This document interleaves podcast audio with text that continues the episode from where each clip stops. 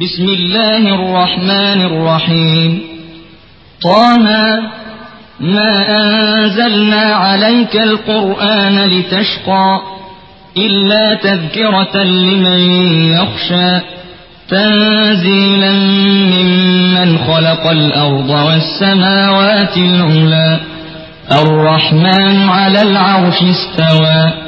له ما في السماوات وما في الأرض وما بينهما وما تحت الثرى وإن تجهر بالقول فإنه يعلم السر وأخفى الله لا إله إلا هو له الأسماء الحسنى అనంత కరుణామయుడు అపార కృపాశీలుడు అయిన అల్లాహ్ పేరుతో ప్రారంభిస్తున్నాను. తాహా మేము ఈ హురాను నీపై అవతరింపజేసింది నిన్ను కష్టానికి గురి చేయటానికి మాత్రం కాదు. ఇది భయపడే ప్రతి వ్యక్తికి ఒక జ్ఞాపిక. భూమిని ఎత్తైన ఆకాశాలను సృష్టించిన వాని తరఫు నుండి ఇది అవతరింపజేయబడింది. ఆ కరుణామయుడు సృష్టి సామ్రాజ్య పీఠంపై ఆసీనుడై ఉన్నాడు. ఆకాశాలలో భూమిలో మరియు భూమి ఆకాశాల మధ్య ఇంకా నేల క్రింద ఉన్న వాటినన్నింటికీ ఆయన యజమాని. నీవు నీ మాటను బిగ్గరగా పలికినా పరవాలేదు. ఆయన మెల్లగా పలికిన మాటను మాత్రమే కాదు. దానికంటే అతి గోప్యమైన మాటను సైతము ఎరుగును ఆయనే అల్లాహ్ ఆయన తప్ప మరొక దేవుడే లేడు ఆయనకు ఉత్తమమైన పేర్లు ఉన్నాయి وهل أتاك حديث موسى إذ رأى نارا فقال لأهلهم كثوا إني آنست نارا لعلي آتيكم منها بقبس أو أجد على النار هدى మూసా వృత్తాంతం కూడా నీకేమైనా అందిందా అప్పుడు అతను ఒక మంటను చూసి తన ఆవుబిడ్డలతో ఇలా అన్నాడు కొంచెం ఆగండి నేను ఒక మంటను చూశాను బహుశా మీకోసం కాస్త నిప్పులు తీసుకురాగలనేమో లేదా ఆ మంట వద్ద నాకేదైనా దానికి సంబంధించిన మార్గదర్శకత్వం లభిస్తుందేమో فلما أتاها نودي يا موسى إني أنا ربك فاخلع نعليك إنك بالواد المقدس طوى وأنا اخترتك فاستمع لما يوحى. إنني أنا الله لا إله إلا أنا فاعبدني وأقم الصلاة لذكري. إن الساعة آتية أكاد أخفيها لتجزى كل نفس بما تسعى. فلا يصدنك عنها من لا يؤمن بها واتبع هواه فتردى وما تلك بيمينك يا موسى قال هي عصاي أتوكأ عليها وأهش بها على غنمي ولي فيها مآرب أخرى قال ألقها يا موسى فألقاها فإذا هي حية تسعى. قال خذها ولا تخف سنعيدها سيرتها الأولى. واضمم يدك إلى جناحك تخرج بيضاء من غير سوء آية أخرى. لنريك من آياتنا الكبرى. اذهب إلى فرعون إنه طغى అక్కడకు చేరగానే ఒక వాణి ఇలా పిలిచింది మూస నేనే నీ ప్రభువును చెప్పులు విడు నీవు పవిత్రమైన తువా లోయలో ఉన్నావు నేను నిన్ను ఎన్నుకున్నాను వహీ ద్వారా చెప్పబడేదానిని విను నేనే అల్లాను. నేను తప్ప మరొక దేవుడు లేడు. కనుక నీవు నాకు దాస్యం చెయ్యి. నా జ్ఞాపకం కోసం నమాజును స్థాపించు. ప్రళయ ఘడియ తప్పనిసరిగా వస్తుంది. నేను దాని సమయాన్ని గోప్యంగా ఉంచాలనుకున్నాను. ప్రతి వ్యక్తి తన కృషి ప్రకారం ప్రతిఫలం పొందగలగటానికి.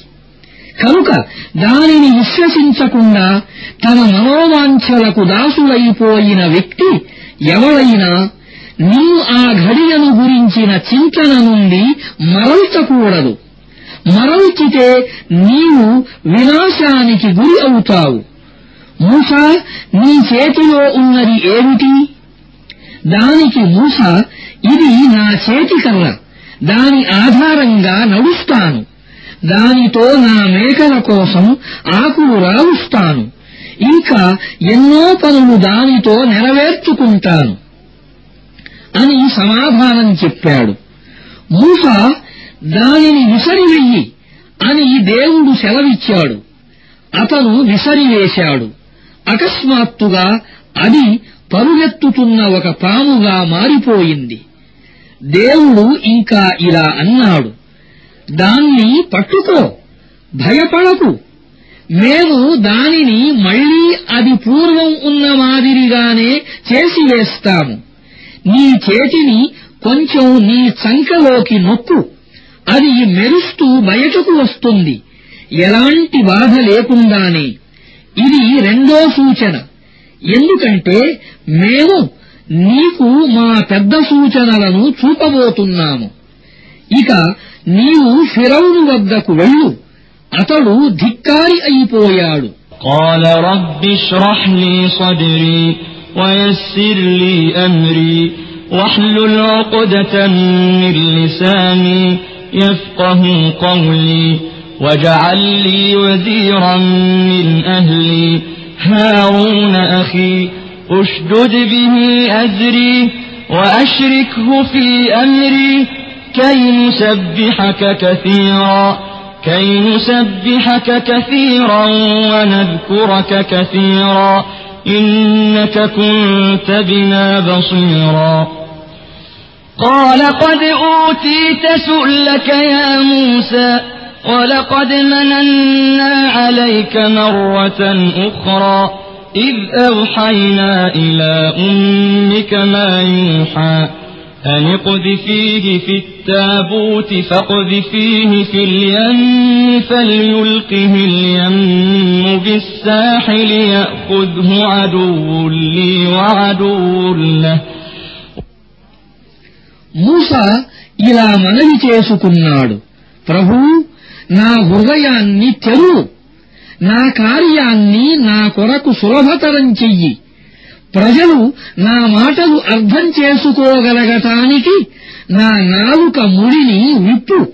ఇంకా నా కొరకు నా కుటుంబం నుండే ఒక సహాయకుణ్ణి నియమించు. నా సోదరుడు హారూన్ను. అతని ద్వారా నా చేతులను పటిష్టం చెయ్యి. అతనిని నా కార్యంలో నాకు సహాయపడేలా చెయ్యి.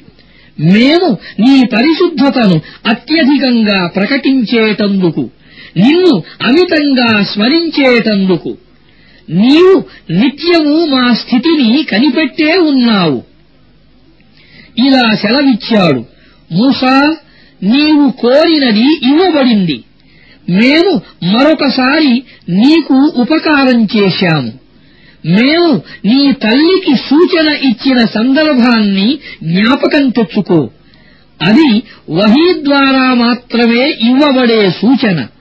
అది ఏమిటంటే ఈ బాలుణ్ణి పెట్టెలో పెట్టి ఆ పెట్టెను నదిలోకి వదిలివెయ్యి నది దానిని ఒడ్డున పడవేస్తుంది నాకు ఈ బాలుడికి శత్రువు అయిన వాడు దానిని పట్టుకు వెళతాడు وألقيت عليك محبة مني ولتصنع على عيني إذ تمشي أختك فتقول هل أدلكم على من يكفله فرجعناك إلى أمك كي تقر عينها ولا تحزن؟ وقتلت نفسا فنجيناك من الغم وفتناك فتونا. فلبثت سنين في أهل مدين ثم جئت على قدر يا موسى واصطنعتك لنفسي. اذهب أنت وأخوك بآياتي ولا تنيا في ذكري. اذهبا إلى فرعون إنه طغى. فقولا له قولا لينا لعله يتذكر أو يخشى నేను నా తరఫు నుండి నీపై ప్రేమను ఆవరింపజేశాను నీవు నా పర్యవేక్షణలో పెంచబడే ఏర్పాటు చేశాను జ్ఞాపకం తెచ్చుకో అప్పుడు నీ సోదరి అనుసరిస్తూ అక్కడకు వెళ్లి ఈ బాలుల్ని చక్కగా పెంచి పోషించే ఆమెను గురించి మీకు తెలుపనా అని అంటుంది. ఇలా మేము నిన్ను మళ్ళీ నీ తల్లి వద్దకే చేర్చాము. ఆమె కళ్ళు చల్లబడేందుకు ఆమె దుఃఖించకుండా ఉండేందుకు. ఇంకా ఈ విషయం కూడా జ్ఞాపకం తెచ్చుకో. నీవు ఒక వ్యక్తిని హత్య చేశావు.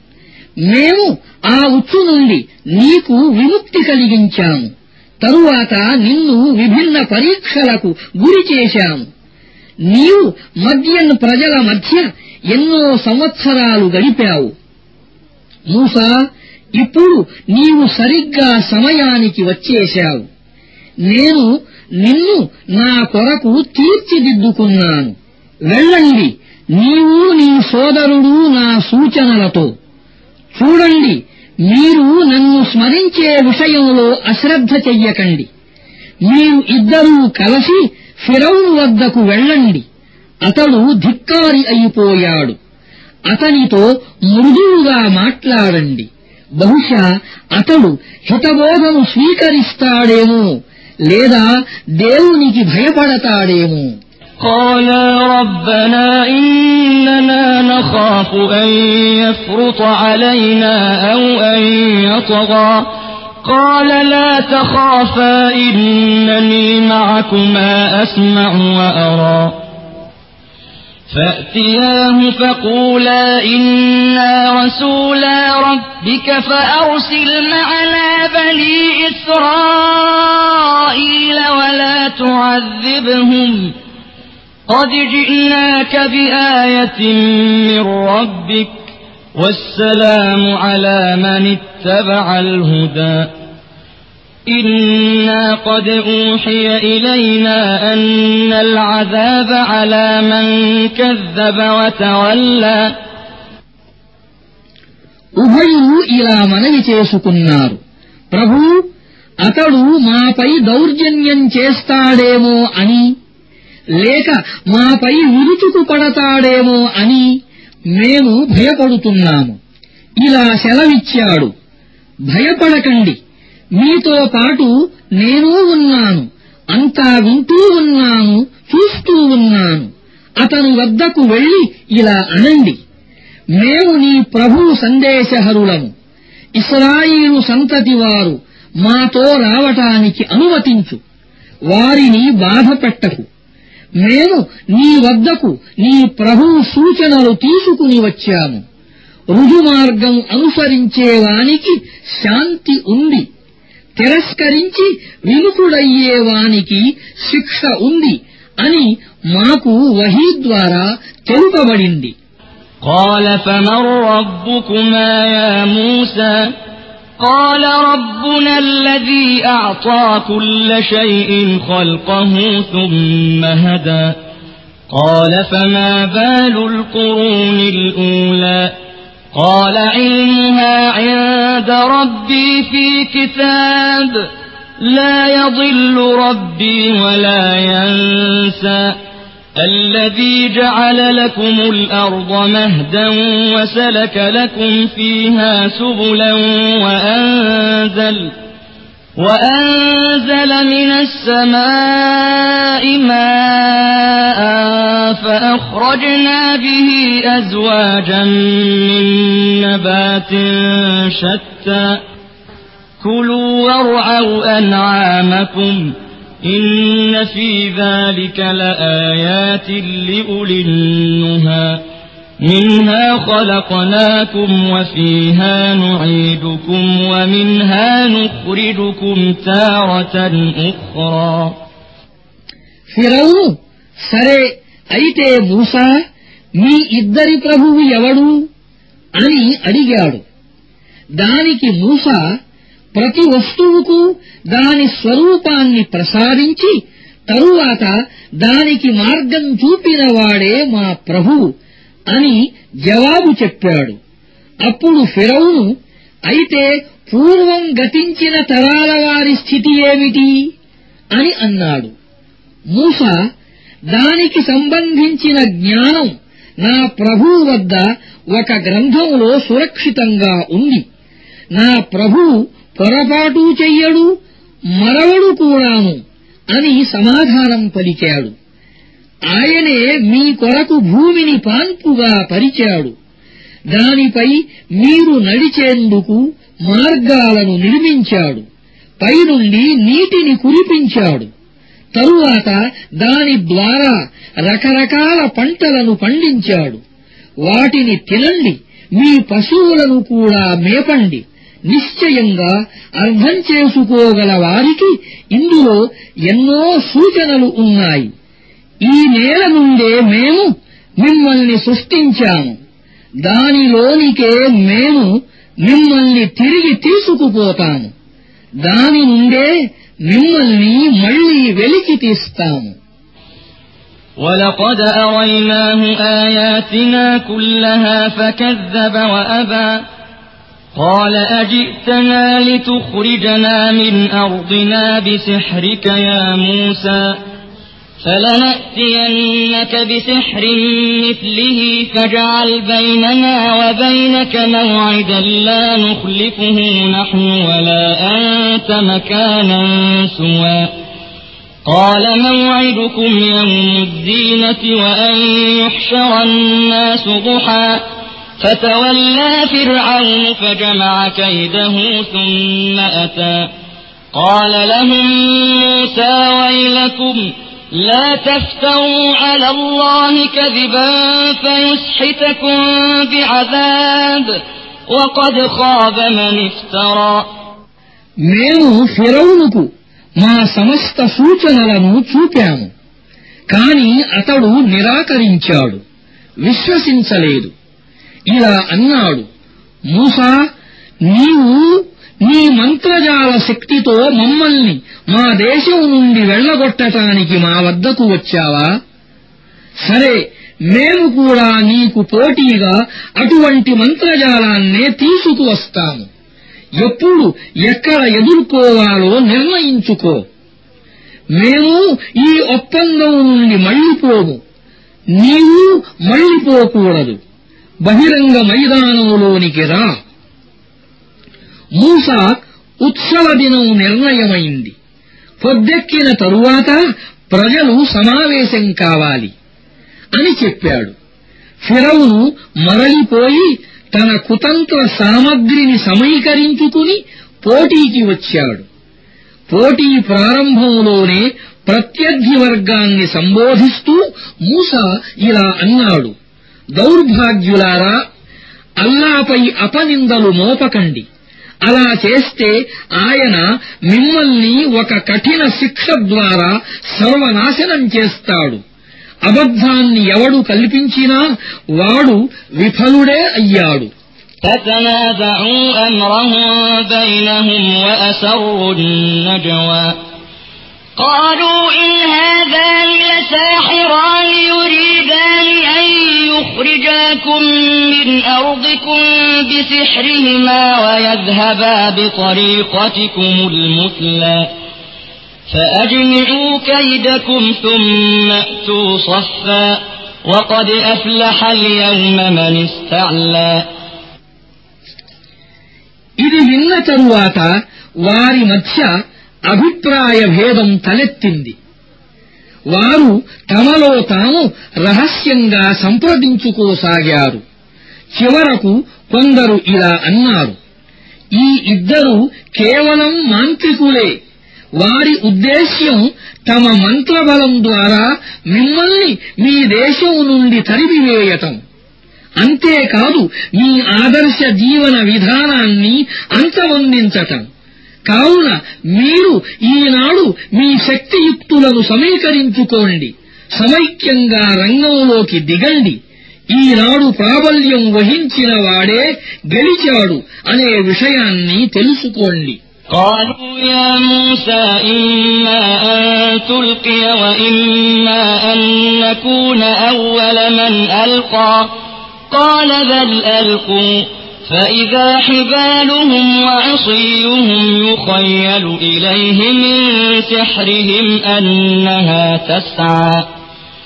فأوجس في نفسه خيفة موسى قلنا لا تخف إنك أنت الأعلى.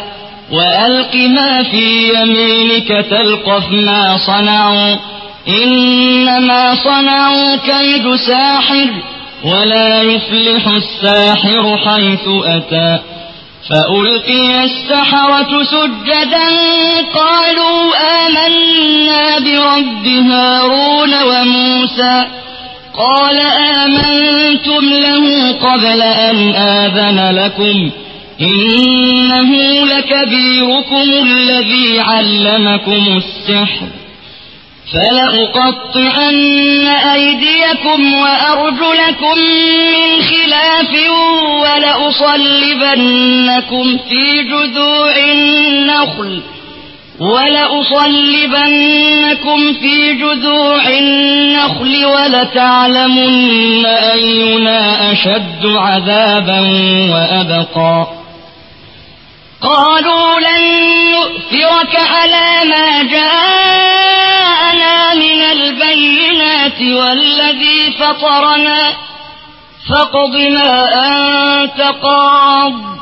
إنما تقضي هذه الحياة الدنيا. إنا آمنا بربنا ليغفر لنا خطايانا وما أكرهتنا عليه من السحر. والله خير وأبقى. إنه من يأت ربه مجرما فإن له جهنم لا يموت فيها ولا يحيا. ومن يأته مؤمنا قد عمل الصالحات فأولئك لهم الدرجات العلى جنات عدن تجري من تحتها الأنهار خالدين فيها وذلك جزاء من تزكى మాంత్రికులు మూసా మొదట నీవు విసురుతావా లేక మేము విసరమా అని అడిగారు దానికి మూస లేదు మీరే విసరండి అని అన్నాడు. అప్పుడు అకస్మాత్తుగా వారి త్రాళ్ళు వారి కర్రలు వారి మంత్రశక్తి వల్ల పరుగెత్తుతూ ఉన్నట్లు మూసాకు అనిపించింది. మూస తన మనస్సులో భయపడ్డాడు. మేము ఇలా అన్నాము. భయపడకు. నీవే ఆధిక్యం వహిస్తావు. నీ చేతిలో ఉన్న దానిని విసరివెయ్యి. ఇప్పుడే అది వారు కల్పించిన వాటినన్నింటినీ మింగివేస్తుంది.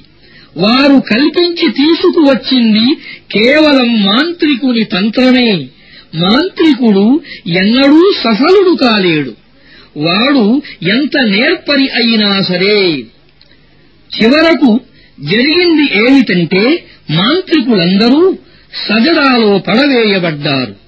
వారు ఎలుగెత్తి మేము హారూను మూసాల ప్రభువును విశ్వసించాము అని ప్రకటించారు. ఫిరౌను ఇలా అన్నాడు నేను మిమ్మల్ని అనుమతించక ముందే మీరు ఇతన్ని విశ్వసించారా? ఇతడు మీకు మంత్ర విద్య నేర్పిన గురువని తెలిసిపోయింది. సరే ఇప్పుడు నేను మీ చేతులను మీ కాళ్ళను వ్యతిరేక పార్శ్వాల నుండి నరికిస్తాను. ఖర్దూరపు దూడాలపై సిలువ వేయిస్తాను.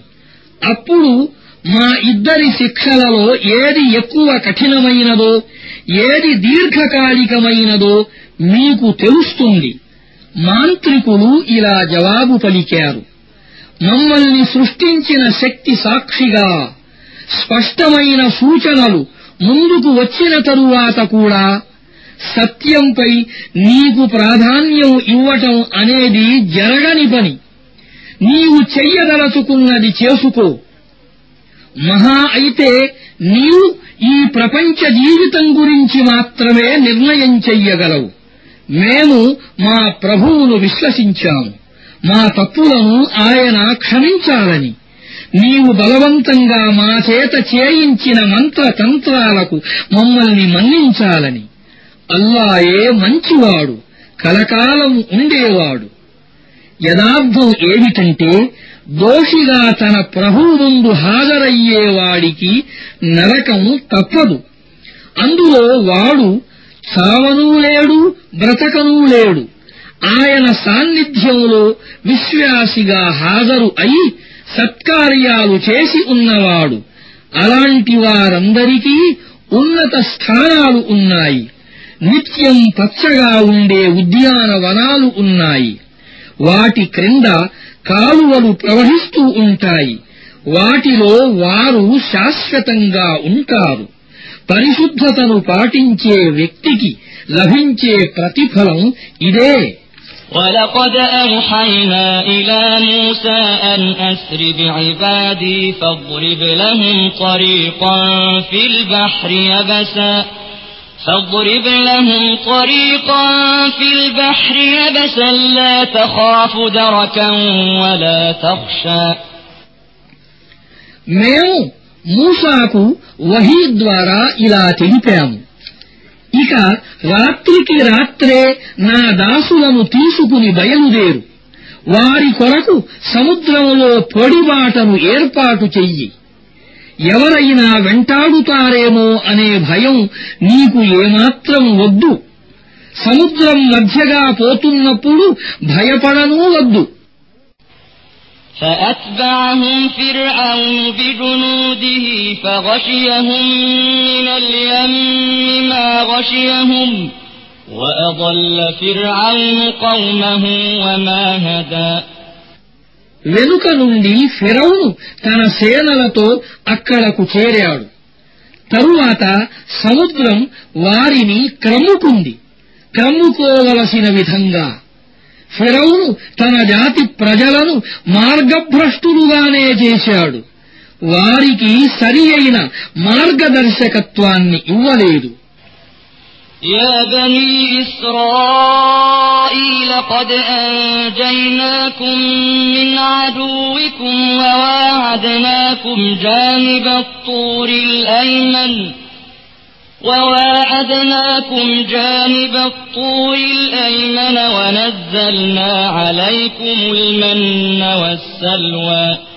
كلوا من طيبات ما رزقناكم ولا تطغوا فيه فيحل عليكم غضبي ومن يحلل عليه غضبي فقد هوى وإني لغفار لمن تاب وآمن وعمل صالحا ثم اهتدى ఇస్రాయిలు సంతానమా మేము మీకు మీ శత్రువు నుండి విముక్తి కలిగించాము తూరు పర్వతం కుడి ప్రక్కన మీరు హాజరయ్యేందుకు గడువు నిర్ణయించాము ఇంకా మీపై మన్ను సల్వాను అవతరింపజేశాము మేము ఇచ్చిన పరిశుద్ధమైన ఆహారాన్ని తినండి.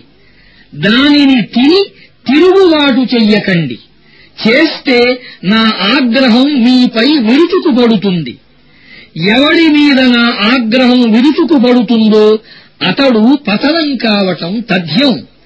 అయితే ఎవడు పశ్చాత్తాపడతాడో మరియు విశ్వసించి మంచి పనులు చేస్తాడో ఆ తరువాత సక్రమంగా నడుచుకుంటాడో అతనిని నేను అమితంగా మన్నిస్తాను. وما أعجلك عن قومك يا موسى قال هم أولئك على أثري وعجلت إليك رب لترضى قال فإنا قد فتنا قومك من بعدك وأضلهم السامري మూసా ఏ విషయం నిన్ను నీ జాతి ప్రజల కంటే ముందుగానే ఇక్కడకు తీసుకువచ్చింది. అతను ఇలా మనవి చేసుకున్నాడు. ఇదిగో వారు నా వెనుక వస్తూనే ఉన్నారు. నేనే త్వర త్వరగా నీ సాన్నిధ్యానికి వచ్చాను. నా ప్రభూ నీవు నా పట్ల ప్రసన్నుడవు కావాలని. ఇలా సెలవిచ్చాడు. అయితే విను మేము నీ వెనుక నీ జాతి ప్రజలను పరీక్షకు గురి చేశాము. సామిరి వారిని మార్గం తప్పించాడు فرجع موسى إلى قومه غضبان أسفا قال يا قوم ألم يعدكم ربكم وعدا حسنا أفطال عليكم العهد أم أردتم أن يحل عليكم غضب من ربكم فأخلفتم موعدي قالوا ما أخلفنا موعدك بملكنا ولكننا حملنا أوزارا من زينة القوم فقذفناها فكذلك ألقى السامري فأخرج لهم عجلا جسدا له خوار فقالوا هذا إلهكم وإله موسى فنسي أفلا يرون ألا يرجع إليهم قولا ولا يملك لهم ضرا ولا نفعا ولقد قال لهم هارون من قبل يا قوم إنما فتنتم به وإن ربكم الرحمن فاتبعوني وأطيعوا أمري قالوا لن نبرح عليه عاكفين حتى يرجع إلينا موسى. మూసా ఆగ్రహోదగ్గురుడై దుఃఖిస్తూ తన జాతి వారి వైపునకు మరలాడు. అక్కడకు వెళ్ళి ఇలా అన్నాడు నా జాతి ప్రజలారా మీ ప్రభు మీకు మంచి వాగ్దానాలు చేయలేదా? అప్పుడే మీకు ఎన్నో రోజులు గడిచినట్లు అనిపించిందా?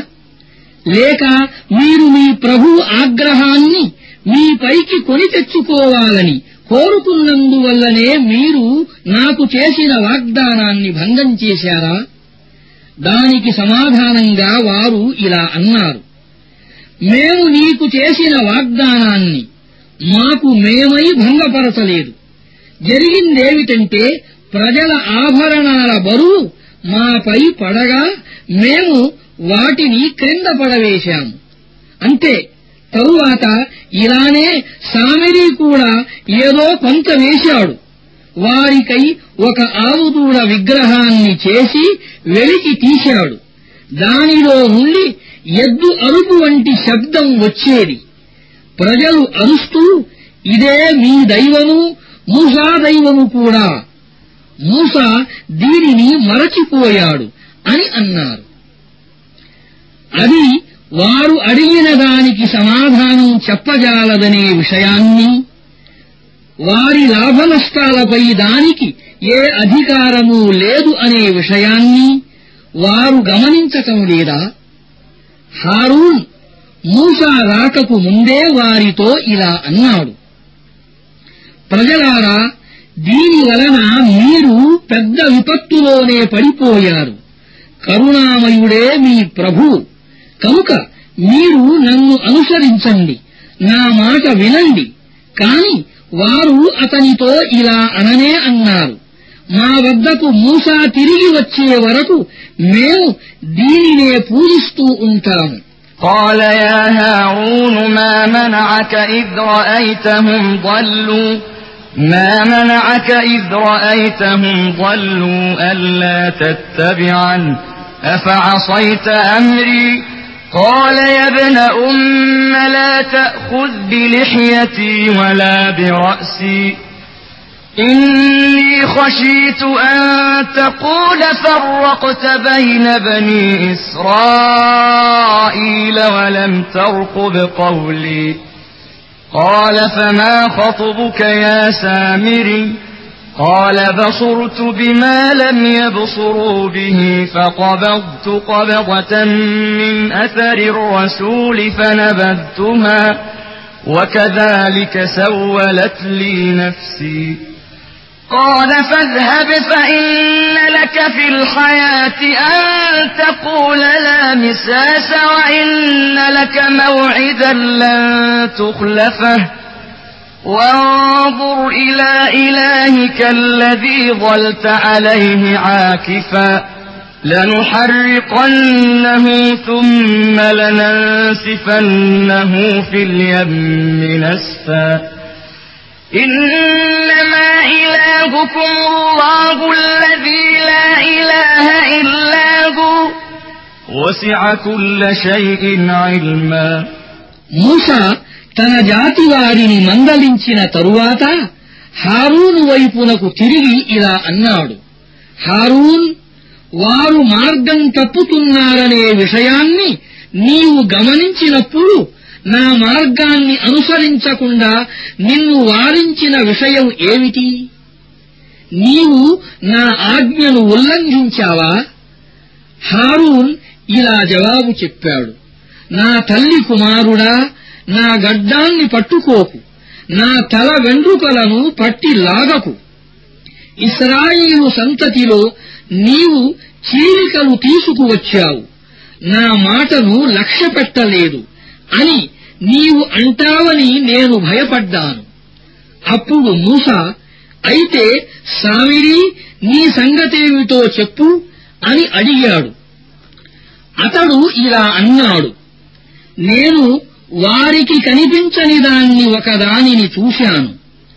అప్పుడు నేను సందేశహరుని అడుగుజాడలలో నుండి ఒక పిడికడు మట్టిని తీసుకున్నాను. దానిని ఆవు దూడపై పోశాను. నా ఆత్మ నాకు అలానే సూచించింది. మూస ఇలా అన్నాడు సరే వెళ్ళిపో. ఇక జీవితాంతం నీవు నన్ను ముట్టుకోకండి అనే అరుస్తూ ఉంటావు. నీ విచారణ కొరకు ఒక సమయం నిర్ణయమయ్యే ఉంది. అది నీ విషయంలో ఏమాత్రం తొలగదు. ఇక చూడు శ్రద్ధాభక్తులతో నీవు ఆరాధించే నీ ఈ దైవాన్ని ఇప్పుడు మేము కాల్చిపారవేస్తాము భస్మంగా చేసి సముద్రములో కలిపివేస్తాము. ప్రజలారా మీ దేవుడు కేవలం ఒక్క అల్లా మాత్రమే. ఆయన తప్ప మరొక దేవుడు లేనే లేడు. ఆయన జ్ఞానం ప్రతి విషయాన్ని ఆవరించి ఉన్నది.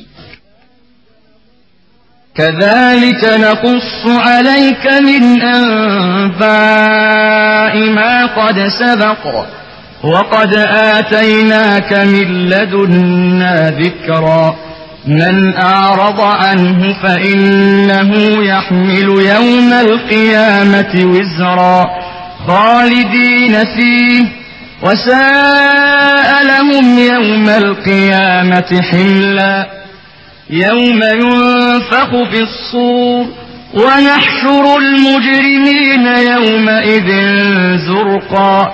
يتخافتون بينهم إن لبثتم إلا عشرا. نحن أعلم بما يقولون إذ يقول أمثلهم طريقة إن لبثتم إلا يوما.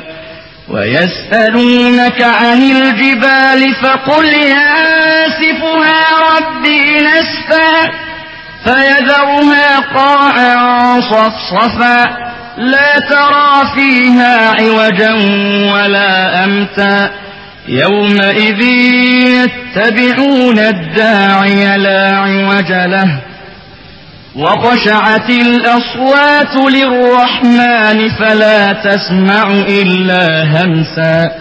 يومئذ لا تنفع الشفاعة إلا من أذن له الرحمن ورضي له قولا. يعلم ما بين أيديهم وما خلفهم ولا يحيطون به علما. وعنت الوجوه للحي القيوم وقد خاب من حمل ظلما ومن يعمل من الصالحات وهو مؤمن فلا يخاف ظلما ولا هضما ప్రవక్త ఇలా మేము పూర్వం జరిగిన సంఘటనల చరిత్రను నీకు వినిపిస్తున్నాము మేము ప్రత్యేకంగా మా వద్ద నుండి నీకు ఒక జ్ఞాపికను ప్రసాదించాము. దానికి విముఖుడయ్యేవాడు ప్రళయం నాడు పెద్ద పాపభారాన్ని మోస్తాడు. అటువంటి వారందరూ ఆ సంకటంలో సదా చిక్కుకుని ఉంటారు. ప్రళయం నాడు ఈ నేరం యొక్క బాధ్యతాభారం వారికి ఎంతో బాధాకరమైన బరువుగా ఉంటుంది. శంఖం ఊదబడే ఆ రోజున మేము అపరాధులను ఒకచోట చేరుస్తాము. వారి కనుగుడ్లు భయం వల్ల తేలిపోయి ఉంటాయి. అప్పుడు వారు ప్రపంచంలో మహా అయితే మీరు పది రోజులు గడిపారేమో అని పరస్పరం గుసగుసలాడుకుంటారు. వారు మాట్లాడుకుంటూ ఉండేది ఏమిటో మాకు బాగా తెలుసు. ఇది కూడా మాకు తెలుసు.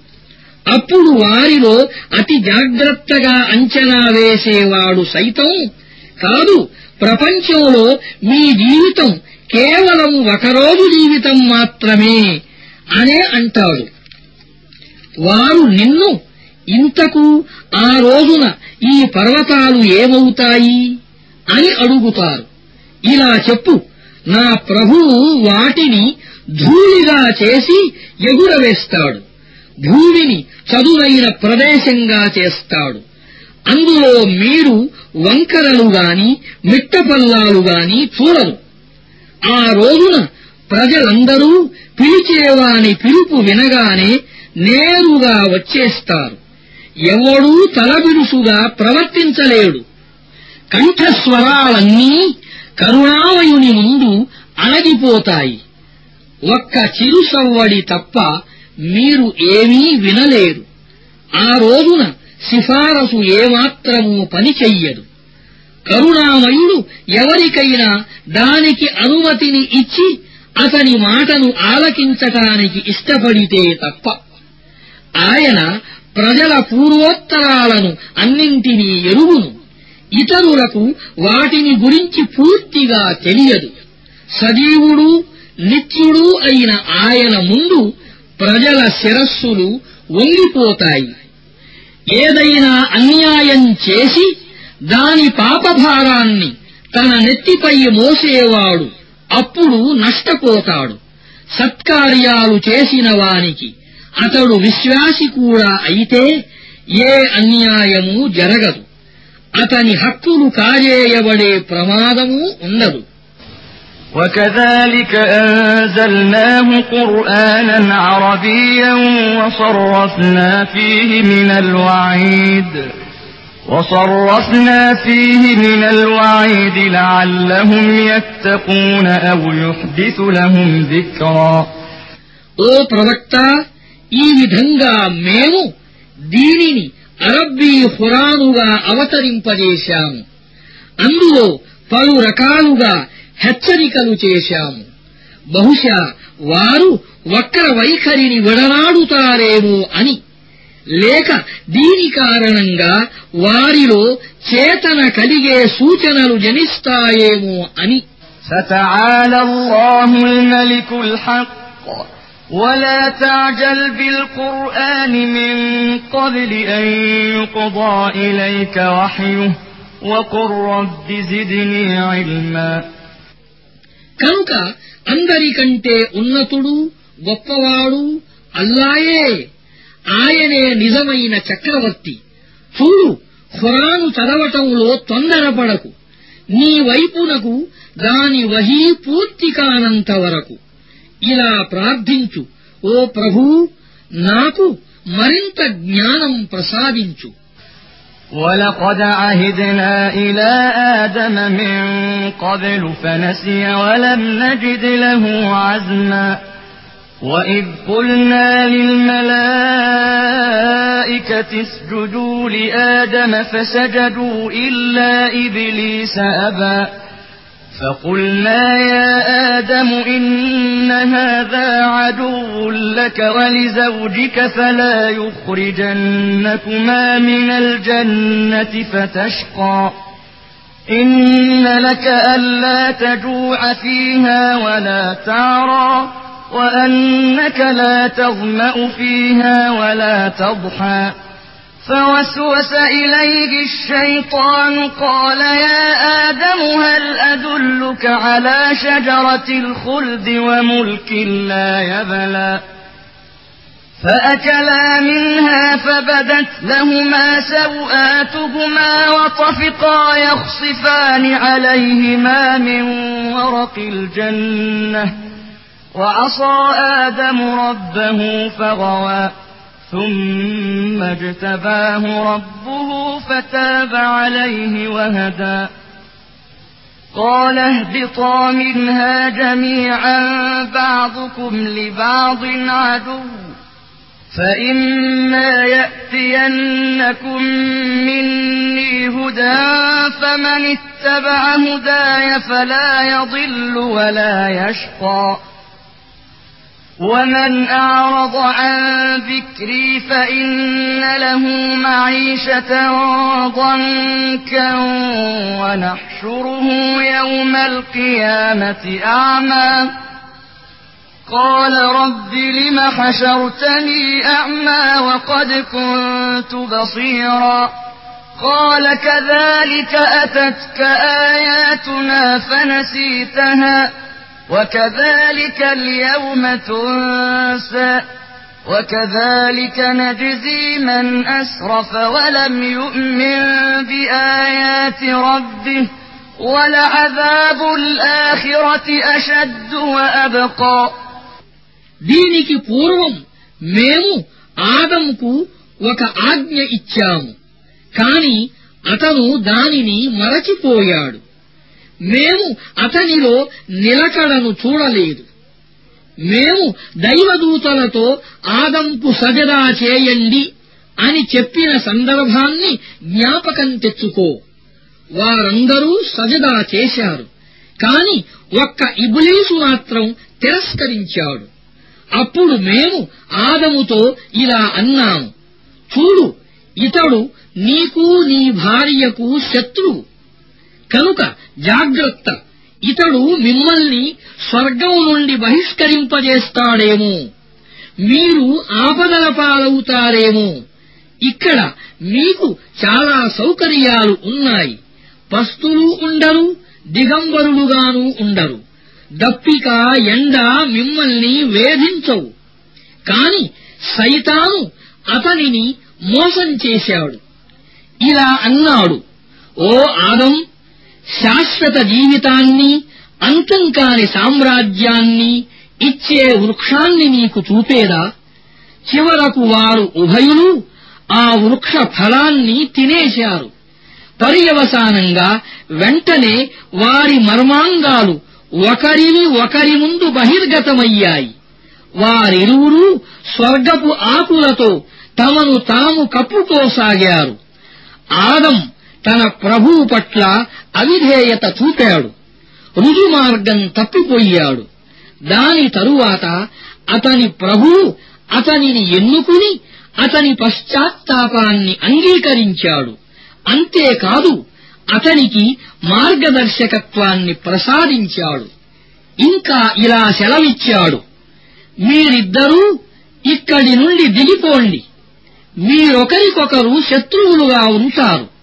ఇక నా తరఫు నుండి మార్గదర్శకత్వం ఏదైనా మీ వద్దకు వస్తే ఎవడు నా ఈ మార్గదర్శకత్వాన్ని అనుసరిస్తాడో అతడు మార్గమూ తప్పడు దౌర్భాగ్యానికి గురికాడు. నా జ్ఞాపికకు విముఖుడైన వానికి ప్రపంచంలో జీవితం ఇరుకవుతుంది. ప్రళయం నాడు మేము అతనిని అంధుడుగా లేపుతాము. అప్పుడు అతడు ప్రభూ ప్రపంచంలో నేను చూడగలవాణ్ణి కదా.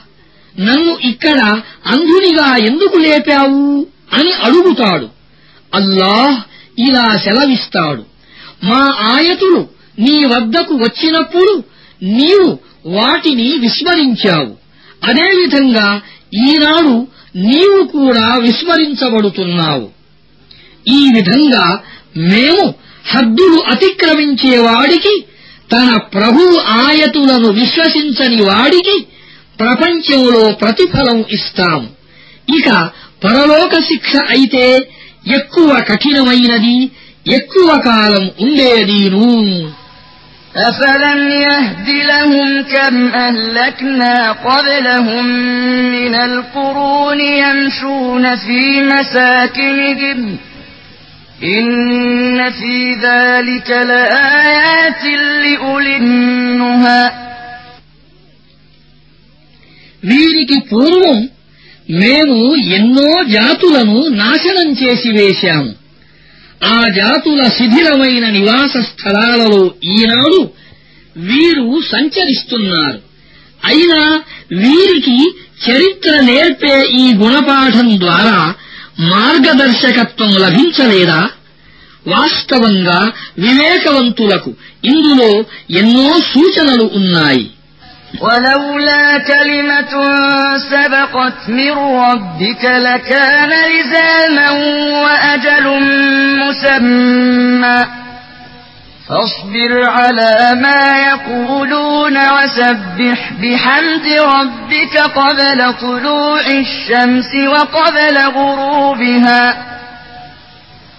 ومن آناء الليل فسبح وأطراف النهار لعلك ترضى. ولا تمدن عينيك إلى ما متعنا به أزواجا منهم زهرة الحياة الدنيا لنفتنهم فيه ورزق ربك خير وأبقى وأمر أهلك بالصلاة واصطبر عليها لا نسألك رزقا نحن نرزقك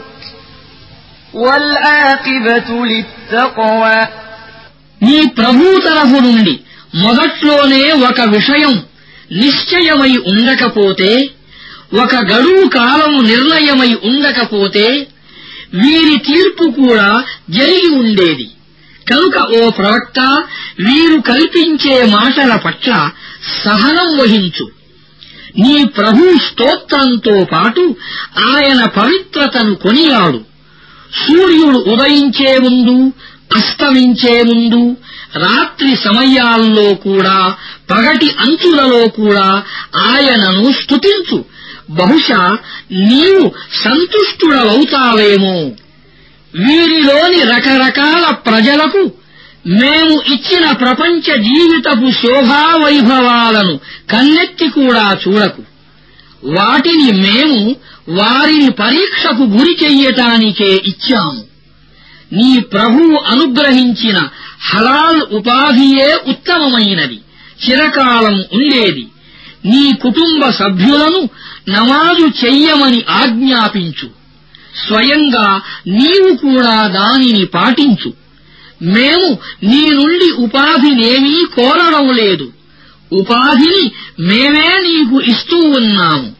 చివరకు మేలు జరిగేది భయభక్తులకే وقالوا لولا يأتينا بآية من ربه أولم تأتهم بينة ما في الصحف الأولى ولو أنا أهلكناهم بعذاب من قبله لقالوا لقالوا ربنا لولا أرسلت إلينا رسولا فنتبع آياتك من قبل أن نذل ونخزى. قل كل متربص فتربصوا فستعلمون من أصحاب الصراط السوي ومن اهتدى. వారు ఈ వ్యక్తి తన ప్రభువు దగ్గర నుండి ఏదైనా సూచనను ఎందుకు తీసుకురాడు అని అడుగుతారు. పూర్వ గ్రంథాలలోని సమస్త బోధలు గల స్పష్టమైన నిదర్శనం వారి వద్దకు రాలేదా? ఒకవేళ మేము దాని రాకకు పూర్వమే వారిని ఏదైనా శిక్ష ద్వారా నాశనం చేసి ఉంటే వారే తరువాత ఇలా అని ఉండేవారు. ఓ ప్రభూ నీవు మా వద్దకు ప్రవక్తను ఎవరినైనా ఎందుకు పంపలేదు? అగౌరవ అవమానాల పాలు కాకముందే మేము నీ ఆయతులను అనుసరించి ఉండేవారము కదా. ఓ ప్రవక్త వారితో ఇలా అను. ప్రతివాడు అంతిమ ఫలితం కోసం నిరీక్షిస్తున్నాడు. కనుక మీరు కూడా నిరీక్షించండి. త్వరలోనే మీరు తెలుసుకుంటారు. రుజుమార్గములో నడిచేవారెవరో మార్గదర్శకత్వం పొందినవారెవరో?